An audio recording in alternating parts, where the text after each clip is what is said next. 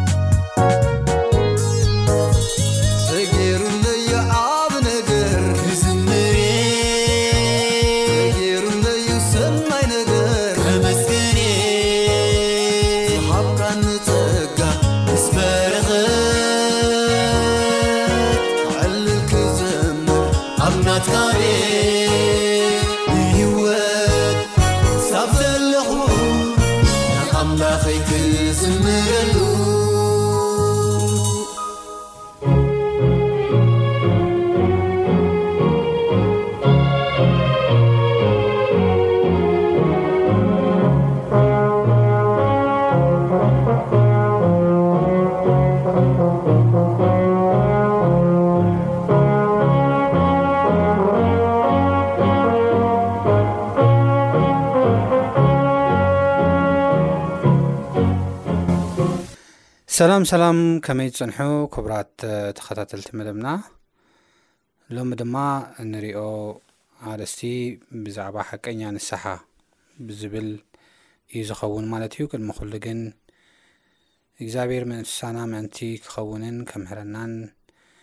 ኣስተውዒልና ድማ እምባር ንኸልኡሉ ጸጋ ምእንቲ ክንረክብን ሕፅር ዝበለ ጸሎት ክንጽሊ ኢና ንጸሊ እግዚኣብሔር ኣምላኽና ስለዚ ግዜን ሰዓትን ነመስክነካ ኣለና ሕጂ ድማ ክቡርን ቅዱስን ቃልካ ከፊትና ኣብ ንርእየሉ እዋን ንስኻ ምሳና ክትከውንን ከተምህረናን ኣስተውዒልና ምንባር ንኽለሉ ጸጋ ክተብዝሓልና ንልምነካ ኣለና ዝተረፈ ግዜናን ሰዓትናን ባርኮ ብጎይታና መድሕናን የሱስ ክርስቶስ ስም ኣሜን ኣብ ቀዳማይ ሳሙኤል ምዕራፍ ክልተን ምዕራፍ ሰለስተን ከይድና ብ ንሪኢ ኣለዋን ኣብ ሴሎ ዝነበረ ፈራድን ካህንን ዝነበረ ኤሊ ኢና ንርኢ ኤሊ ክልተ ደቂ ከም ዝነበርዎ ነገር ግን ብትኽክለኛ ደቁ ዘይቀጽዕ ካብ ዝተላዕለ ድማ ኣብቲ ቤተ መቅደስ ዓብይ ዝኾነ ሓጢኣት ወይ ድማ በደል ኣብ ቅድሚ እግዚኣብሄር ይግበር ከም ዝነበረ ደቁ ሆፍኒን ፍንሃስን ድማ ኣብ ቤተ መቅደስ ኮይኖም ምስተን ኣናስቲ የመንዝሩ ነቲ ንመስዋእቲ ዝመፀ ምግቢ ገና ከይሰውኡ እቲ ንሰብ ዝግብኦ ዝነበረ መስዋእቲ ንሶም ንኽበልዕዎ ይቀዳደሙሉ ከም ዝነበሩን ካልኦት በደላትን ይገብሩ ከም ዝነበሩ እዩ መጽሓፍ ቅዱስ ዝዛረበና። እዚ በደል እዚ ድማ ኣብ ቅድሚ እግዚኣብሔር ክፉእ ኮይኑ ከም ተራእየ ኢና ንርኢ። ኤሊ እዚ ኩሉ እናረኣየ ንደቁ ክቐጽዕ ኣይከኣለን። ዝተፈላለዩ መጠንቀቕታታት ንኤሊ መጺዎ እዩ ካብቲ ህዝቢ ውን ካብ ናይ እግዚኣብሔር ሰብ ውን መጺዎ እዩ እንተኾነ ግን ንሱ ኣብ ክንዲ ምቕጻዕ በቃ እግዚኣብሔር ንሱ ዝደለዩ ይግበር ኣብ ኣይኮነ ብደቀይ ዝደለዩ ይግበር ኢሉ ሸለል ከም ዝነበሮ ኢና ንርኢ እዚ ሸለልትነት እዚ ናይ እግዚኣብሔር ስራሕ ዓቢ ስልጣን እናሃለዎ እዚ ሸለልትነት እዚ ነታ ሴሎ እትበሃል ከተማ እውን ኣብ ሓደጋ ከም ዝውደቓ፣ ምኽንያቱ ቃል እግዚኣብሄር ኸምህር፣ ቃል እግዚኣብሄር ንኸካፍል እተዋህቦ ሓላፍነት እውን ብኣግባቡ ብዘይምውጽኡ፣ እታ ሴሎ እትበሃል ከተማ እውን ናይ ሓጢኣትን ናይ ዓመፅን መንገዲ እናተኸተለት ከም ዝነበረት እዩ መጽሓፍ ቅዱስ ዝዛረበና። እሞ ደሓር ኣብ ናይ መወዳእታ እግዚኣብሄር ንብዙሓት ዘደንግጽ ነገር ገብረ፣ ዘሰንብድ ነገር ገብረ ከም ዝበለ ብሳሙኤል ኣፍ እዩ ዝዛረበና ማለት እዩ ሳሙኤል ሕር መራኤ ከምዚ ኢሉ ኣሎ ኢሉ ምስ ተዛረቦ ድሓር በዚ መልክዕ እዚ ኤሊ ምንም ኣይመሰለን ሕጂኦን በዚ መሰረት እዚ ድማ እግዚኣብሄር ዓብዪ ዘሰንብድን ነገር ኣብ ሴሎ ከም ዝገበረ ኣብ መላእ እስራኤል ከም ዝገበረ ኢና ንርኢ ማለት እዩ ቀዳማይ ሳሙኤል ምዕራፍ ኣርባዕተ ዘሎ ሓሳብ ኢና ንጅምር ማለት እዩ እዚ ሓሳብ እዚ ክሳብ ኣብ ተኸታታሊ ግዜያት ክሳብ ምዕራፍ ሸውዓተ ዘሎ ሓሳብ ክንከይድ ኢና ልዕሊኡ ክንከይድ ንኽእል ኢና ከም ፍቓድ ኣምላኽ ሎሚ ግን ኣብ ቀዳማይ ሳሙኤል ምዕራፍ ኣርባዕተ ካብ ፍቕዲ ሓሙሽተ ዘሎ ሓሳብ ክንጀምሮ ኢና ማለት እዩ ከምዚ ይንበብ ኮነ ኸኣ እቲ ታቦት ኪዳን እግዚኣብሄር ናብ ሰፈር ምስ ኣተወ ብዘሎ እስራኤል ምድሪ ክሳዕ እተንደርደቕ ብዙሕ ዕልል በሉ። ፍልስጥኤማውያን ከኣ ይብል እቲ ድምፂ ዕልልታ ምስ ሰምዑ እዚ ኣብ ሰፈር እብራውያን ዘሎ ድምፂ ብዙሕ ዕልልታስ እንታይ ኮን እዩ በሉ። ታቦት እግዚኣብሄር ናብ ሰፈር ከም ዝኣተወ ከኣ ፈለጡ። ፍልስጥኤማውያን ከኣ ኣምላኽ ናብ ሰፈር መፂኡ ኢሎም ብዙሕ ፈርሁ። በሉ ድማ ቅድሚ ሕጂ ከምዚ ዝበለ ነገር ኣይኮነን እሞ ኢለና ንግብጻውያን ብኹሉ ዓይነት መዓት ኣብ በረኻ ዝወቕዖም እዞም ኣማልኽቲ እዚኣቶም እዮም እሞ ወይለና ካብ ኢድዞም ሓይላት ኣማልኽቲ እዚኦም መን ከድሕነና እዩ ኣቱም ፍልስጤማውያን ከምቲ ንሳቶም ባሮትኩም ዝነበሩ ንስኻትኩም ከኣ ባሮት እብራውያን ከይትኾኑስ ጽንዑ ሰብኡት ኩኑ፣ እወ ሰብኡት ኩኑ፣ ተዋግኡ። ሽዑ ፍልስጥኤማውያን ተዋግኡ፣ እስራኤል ከኣ ተሳዕረ፣ ነፍሲ ወከፍ ድማ ነናብ ድኳኑ ሃደመ፣ እቲ ውግእ ከኣ ኣዝዩ በርትዐ እሞ፣ ካብ እስራኤል ሰላሳ ሽሕ ኣጋር ወደቑ፣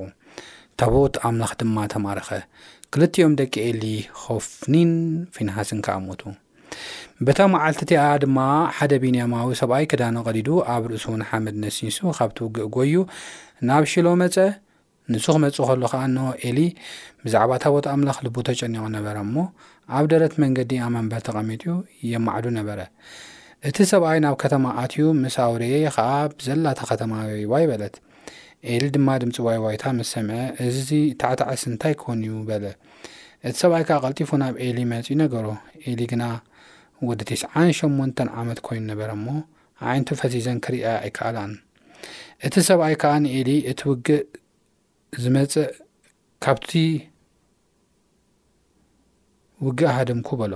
ንሱ ከኣ ወደይ ነገሩ እሞ ከመይ ኮነ በለ። እቲ መውረይ ድማ እስራኤል ኣብ ቅድሚ ፍልስጥኤማውያን ሃደሙ፣ ብዙሕ ሰብውን ተወድአ፣ ክልቲኦም ደቅኻ ሆፍኒንን ፍንሃስን ከኣ ሞይቶም። ታቦት ኣምላኽ ተማሪኹ ኢሉ መለሰ። ኮነ ድማ ታቦት ኣምላኽ ምስ ዘከረሉ ኤሊ ኣሪጉ ከቢዱ ከቢዱ ስለ ዝነበረ ኣብ ጎቦቲ ደገ ንድሕሪት ኣቢሉ ኣብ መንበሩ ወደቐ። ክሳዱ ተሰቢሩ ድማ ሞተ። ንሱ ንእስራኤል ኣርብዓ ዓመት ፈሪዱ እዩ ይብለና። ስለዚ ኣብዚ ሓሳብ እዚ እንሪኦ ኣብ መንጎ እስራኤልን ኣብ መንጎ ፍልስጤምን ውግእ ከም ተኻየደ ኢና ንርኢ። እዚ ውግእ እዚ ኬድና ኣብ ንርእየሉ እዋን፣ እስራኤላውያን ኣብ ቅድሚ ፍልስጤማውያን ከም ተሳዕሩ እዩ ዝዛረበና። እስራኤላውያን ኣብ ቅድሚ ፍልስጤማውያን ከም ተሳዕሩ ኢና ንርኢ ኢና። እስራኤላውያን ግን በቲ ስዕረት ስለ ዘይኣመኑ ታቦት ሒዝና ክንወፅእ ኢና እቲ ታቦት ሒዝና ተወፂና ንሕና ክንስዕር ኢና ኢሎም እንደገና ታቦት እግዚኣብሔር ሒዞም ከም ዝወፁ ኢና ንርኢ እዚ ታቦት እዚ ኣብ ቀደም ግዜያት ታሪክ ሰሪሑ እዩ ኣብ ኣቦታትና ግዜያት ታሪክ ሰሪሑ እዩ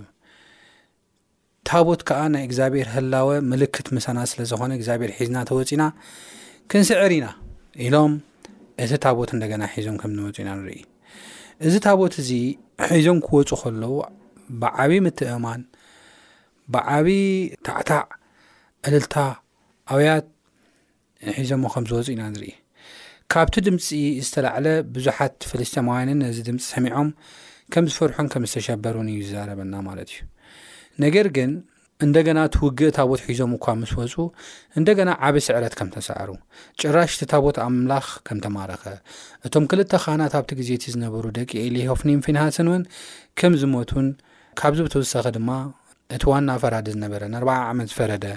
ካህን እውን ዝነበረ ኤሊ እውን ከም ዝሞተ፣ ዓቢ ውርደት ከም ዝኾነ፣ ፍልስጤማውያን ሓደ ሓደ ከተማታት ናይ እስራኤል እውን ከም ዝሓዙ፣ ናብ ውሽጢ ኣትዮም ሓደ ሓደ ከተማታት ከም ዝማረኹ እዩ ዝዛረበና ማለት እዩ መፅሓፍ ቅዱስ ኬድና ንሪእየሉ እዋን እምበኣር ካብዚ እንታይ ኢና እንመሃር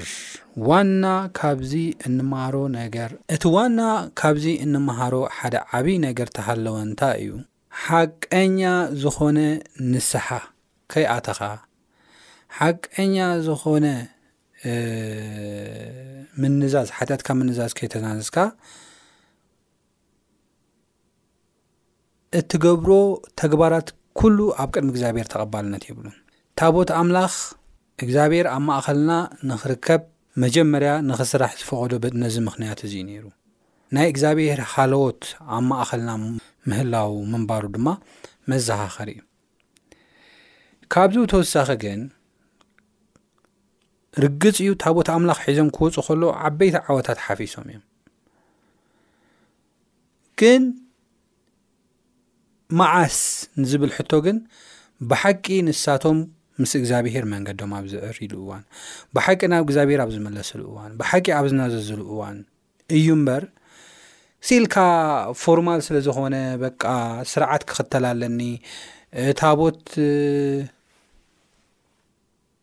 ሒዘ ተወፂእ ክዕወት እየ ከምቲ ናይ ብኣሞይ ኣቦታተይ ከም ዝገበርዎ ኢልካ መሓዝ እኹል ከም ዘይኮነ እዩ እዚ ዋና ዝዛረበና ማለት እዩ ታቦት ኣምላኽ ምሳኻ ጥራሕ ምህላው እቲ ስርዓት ናይ ክህነትን እቶም ካህናትን ምሳኻ ምህለዎም እኹል ኣይኮነን ትውግእ ንክትስዕር እዩ እቲ ዋና ሕመረት ኣብ ቅድሚ ጸላእትኻ ንኽትዕወት ዝገብረካ፣ እንደገና ድማ ኣባኻ እግዚኣብሔር ክኸብር ዝገብሮ፣ ንስኻ ውን እልልታን ሓጎስን ክኾነልካ ዝኽእል ብሕታዊ መንገዲ ሓቀኛ ንስሓን ሓቀኛ ምንዛዝን እዩ። እዞም ሰባት እዚኦም ብልቦም ናብ እግዚኣብሔር ኣይተመለሱን ነይሮም። እዞም ሰባት እዚኦም ብልቦም ሓጢኣቶም ኣይተናዘዙን ነይሮም። እዞም ሰባት እዚኦም ብልቦም በቲ ዝሰርሕዎ ሓጢኣት በቲ ዝገበርዎ ኽፍኣት ኣይተመለሱን ነይሮም እግዚኣብሔር ብተደጋጋሚ እኳ እንተተዛረበ ንክምለሱ እንተተዛረበ ነገር ግን ንሶም ክምለሱ ይከኣሉን ንሶም ክምለሱ ይከኣሉን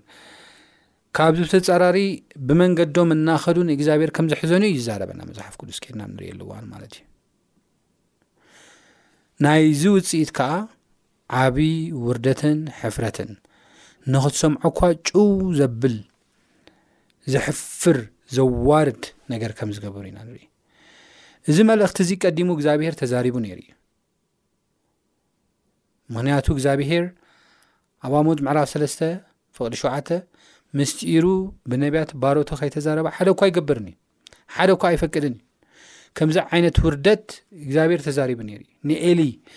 ነቲ ዋና መልእኽተይ ከብፅሐለይ ኢሉ ዝሓሰቦ ንዑ ተዛሪቦ ነይሩ። ኤሊ ግን እቲ መልእኽቲ ክሰምዖ ከሎ እሱ እውን ንባዕሉ ኣይተመለሰን። ካብዚ ብተወሳኺ ድማ ንክምለሱ ኣዋጅ እናበለ ነቲ ህዝቢ ካብ ሓጢኣቱ ክመለሱ ኣይነገረን። እዚ ጥራሕ ኣይኮነን ንደቁ እውን ካብዚ ሓጢኣት እዚ ካብቲ በደልሲ ካብ ክፍኣት ክምለሱ ኣይነገረን ነይሩ ርግፅ እዩ እቲ እግዚኣብሄር ዝሃቦ መልእኽቲ ተቐቢሎም እንተ ዝምለሱ፣ ንስሓ ተዝኣትዉ፣ ልክዕ ከም ሰብ ነነዌ ጾም ተድእውጁ፣ ጸሎት ተድእውጁ፣ እግዚኣብሔር መሓሪ እዩ፣ ክምሕር እውን ነይሩ እዩ። እቲ ቁጥዕኡ ድማ እንደገና ክመልስ ነይሩ እዩ። ነገር ግን ንሳቶም ልክዕ ከም ክንዲ ሰብ ነነዌ ዝምለሱ እንታይ እዮም ገይሮም ብገዛእ መንገዶም እዮም ቀፂሎም ንሱ እግዚኣብሄር እዩ ድላይ ግበሪ ኢሎም እዮም ገዲፎሞ ኤሊ እውን ሓላፍነቱ ነቲ ህዝቢ ክነግር ኣይከኣለን ከምዚ ዓይነት ቁጥዓ ኣብ ቅድሚኹም ኣሎ ጭው ዘብል ዘሰንብድ ነገር ክገብር ኣብ እስራኤል እናተባህለ ይግበር ንሱ ድላይ እዩ መሰሊ እዩ ኢሉ እዩ ሓዲግዎ ማለት እዩ ብምሕዳጉ እቲ ዓበ ተጎዳእ ንሱ እዩ ሓደ ሙሉእ ቤተሰቡ ሞይቶም እዮም ርግፅ እዩ ኤሊ ብዘይምስምዑ ኣብ ናትካ ዘርኢ ነቶም ዘርኡ እውን መለኪምዎም እዩ ሽማግለ ዝበሃል ኣይርከብን እዩ ተባሂሉ እዩ ኩሎም መንእሰይ ኮይኖም ዝሞቱ ኢልዎ እዩ ኩሎም ንምንታይ ቃል እግዚኣብሄር ስለ ዘይሰማዕኻ ኢልዎም ነይሩ እዩ ካብዚ ዝተላዕለ ቤተሰቡ ጥራሕ ዘይኮነ ነቲ ህዝቢ እውን ከም ዝለከሞ ከምዚ ዓይነት ቁጥዓ እናሃለወ ነቲ ህዝቢ እኳ ተትነግሮ ንሱ ወላ ንስሓ ኣይቶ እቲ ህዝቢ ግን ምን ንስሓ ማእተወ ምተናዘዘ ናብ እግዚኣብሔር ምተመልሰ ነገር ግን ናይቲ ህዝቢ ምጥፋእ እውን እንደገና ከም ዝኾኖ ኢና ንርኢ ማለት እዩ ስለዚ ኣሕዋተይ ካብዚ እንመሃሮ ሓደ ዓቢ ነገር እንታይ እዩ ክንብል ከለና ክብርና እግዚኣብሄር እዩ ሓይልና እግዚኣብሄር እዩ ብሓቂን ብቅንዕና ናብ እግዚኣብሄር ክንመለስ እዩ ዝደለየና እግዚኣብሄር እምበር ስርዓት ክንክተል ኣይኮነን ንሳቶም ኣቦታትና ከምዚ ይገብሩ ነይሮም እሞ ካናት ከቅድሚ ይውፁ ደድሕሪኡ ኸ እቲ ታቦት ሒዝናዮ ንውፃእ ደድሕሪኡ ኸ እናዘመርና ንውፃእ እልል እናበልና እልል እናበልና ንኺድ እናበሉ ከም ዝኸዱ ኢና ንርኢ እዚ ማለት ግን እኹል ኣይኮነን ኣብ ውግነ ክትዕወት ኣይገብረካን እዩ ስርዓትን ዘረባን ጥራሕ ንዓኻ ክትዕወት ኣይገብረካን እዩ ናብ ዋይታ እዩ ዝመርሓካ እስራኤል ዋይ ዋይ እዮም ኢሎም እስራኤል ሓዚኖም እዮም ጉህዮም እዮም ሕፍረት እዩ ኮይኑ ውርደት እዩ ኮይኑ ንእስራኤል ኣብዚ ግዜ እዚ ውርደት እዩ ኮይኑ ብሰንኪ ዘይምምላስ ብሰንኪ ንስሓ ዘይምእታው ብሰንኪ መንገድኻ ምስ እግዚኣብሄር ዘይምምዕርራይ እሞ እግዚኣብሄር እናተዛረበ ንኽምለሱ እናፀውዐ ቀዲሙ እናነገረ ስለዚ ልዕሊ ኩሉ በብ ዕለቱ ክንፍትሾ ዘለና ህይወትና ክንምርምሮ ዘለና ሓቀኛ ንስሓደይ ዝኣቱ ዘለኹ ሎሚ ብዙሓት ሰባት እውን እንታይ ይገብሩ እዮም በቃ መፅሓፍ ቅዱስ ስለተባህለ እንታይ ይገብሩ ኣብቲ ርኣሶም ይሕድሮ ካብ ዝተፈላለየ ክስኡ ጋኔን ክኽውለና እዩ ካብ ዝተፈላለየ ኖ እወ ታቦት ሓይሊ ኣለዎ ቀፂልና ብ ንሪኦ ነገር ኬድና ብ ንሪኦ ኣለዋን ታቦት ኣብ ኣሽዶድ ዝበሃል ምድሪ ፍልስጢማውያን ኣትዮ ዓብ ታሪክ ሰሪሑ እዩ እቲ ታቦት እንደገና ዓቢ ታቦት ዓቢ ታሪኽ ሰሪሑ ጥራሕ ዘይኮነስ እንደገና ባዕሎም ክምታ ዝወሰድዋ ብኢዶም ክመልስዋ ገይርዎም እዩ። ታቦት ሓይሊ ኣለዎ። ነገር ግን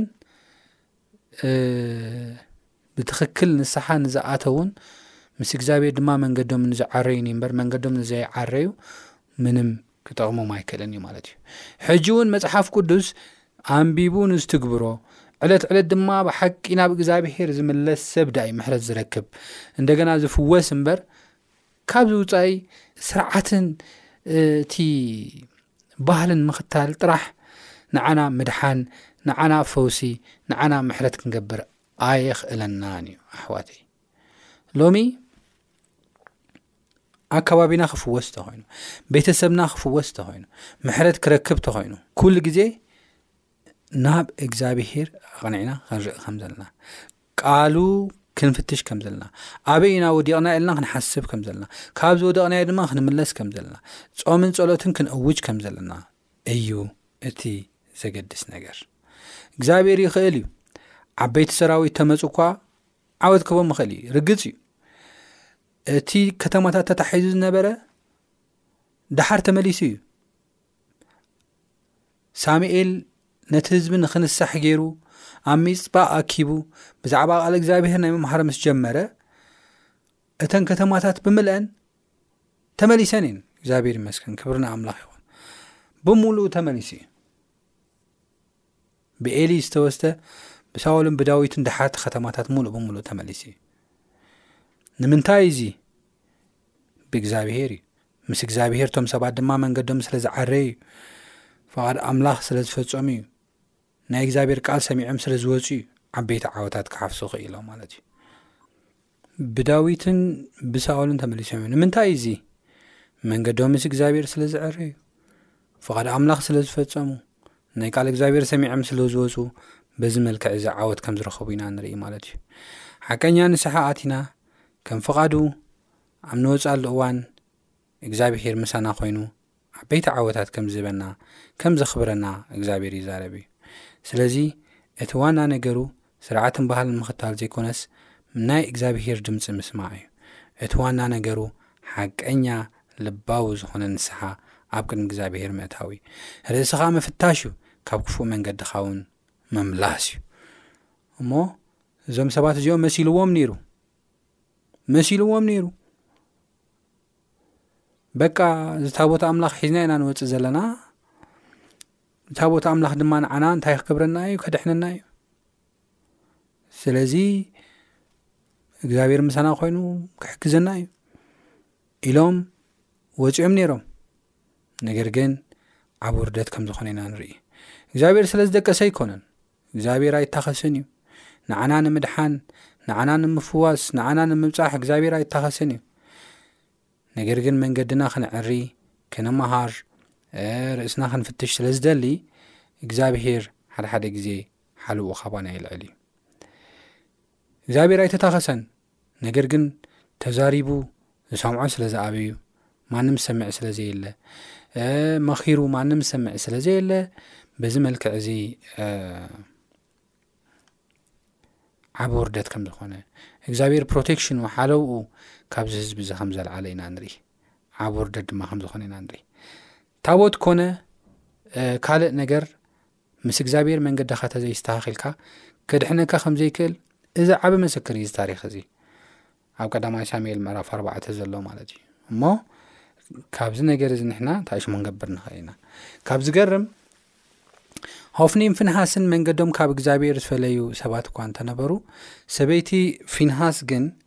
እግዚኣብሔር ትፈርሕ ኣስተውዓሊት እያ ነይራ ድሓር ጥንስቲ እያ ነይራ እንታይ ኢላ ሰበይቲ ፊንሃስ ሰበይቲ ፊንሃስ ድማ ሕርሳ ዝቐረበ ጥንስቲ ነበረት እሞ ታቦት ኣምላኽ ከም እተማረኸ ሓሙኣን ሰብኣያን ከዓ ከም ዝሞቱ ወረ ሰምዐት ሕርሲ ተታሕዘት እሞ ተንበርኪኻ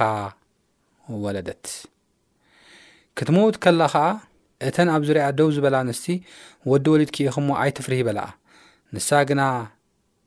ገለ እኳ ኣይመለሰትን። ኣብ ልባ'ውን ኣየእተወቶን። እዚ ማለታ፣ ታቦት ኣምላኽ ስለ ዝተማረኸ፣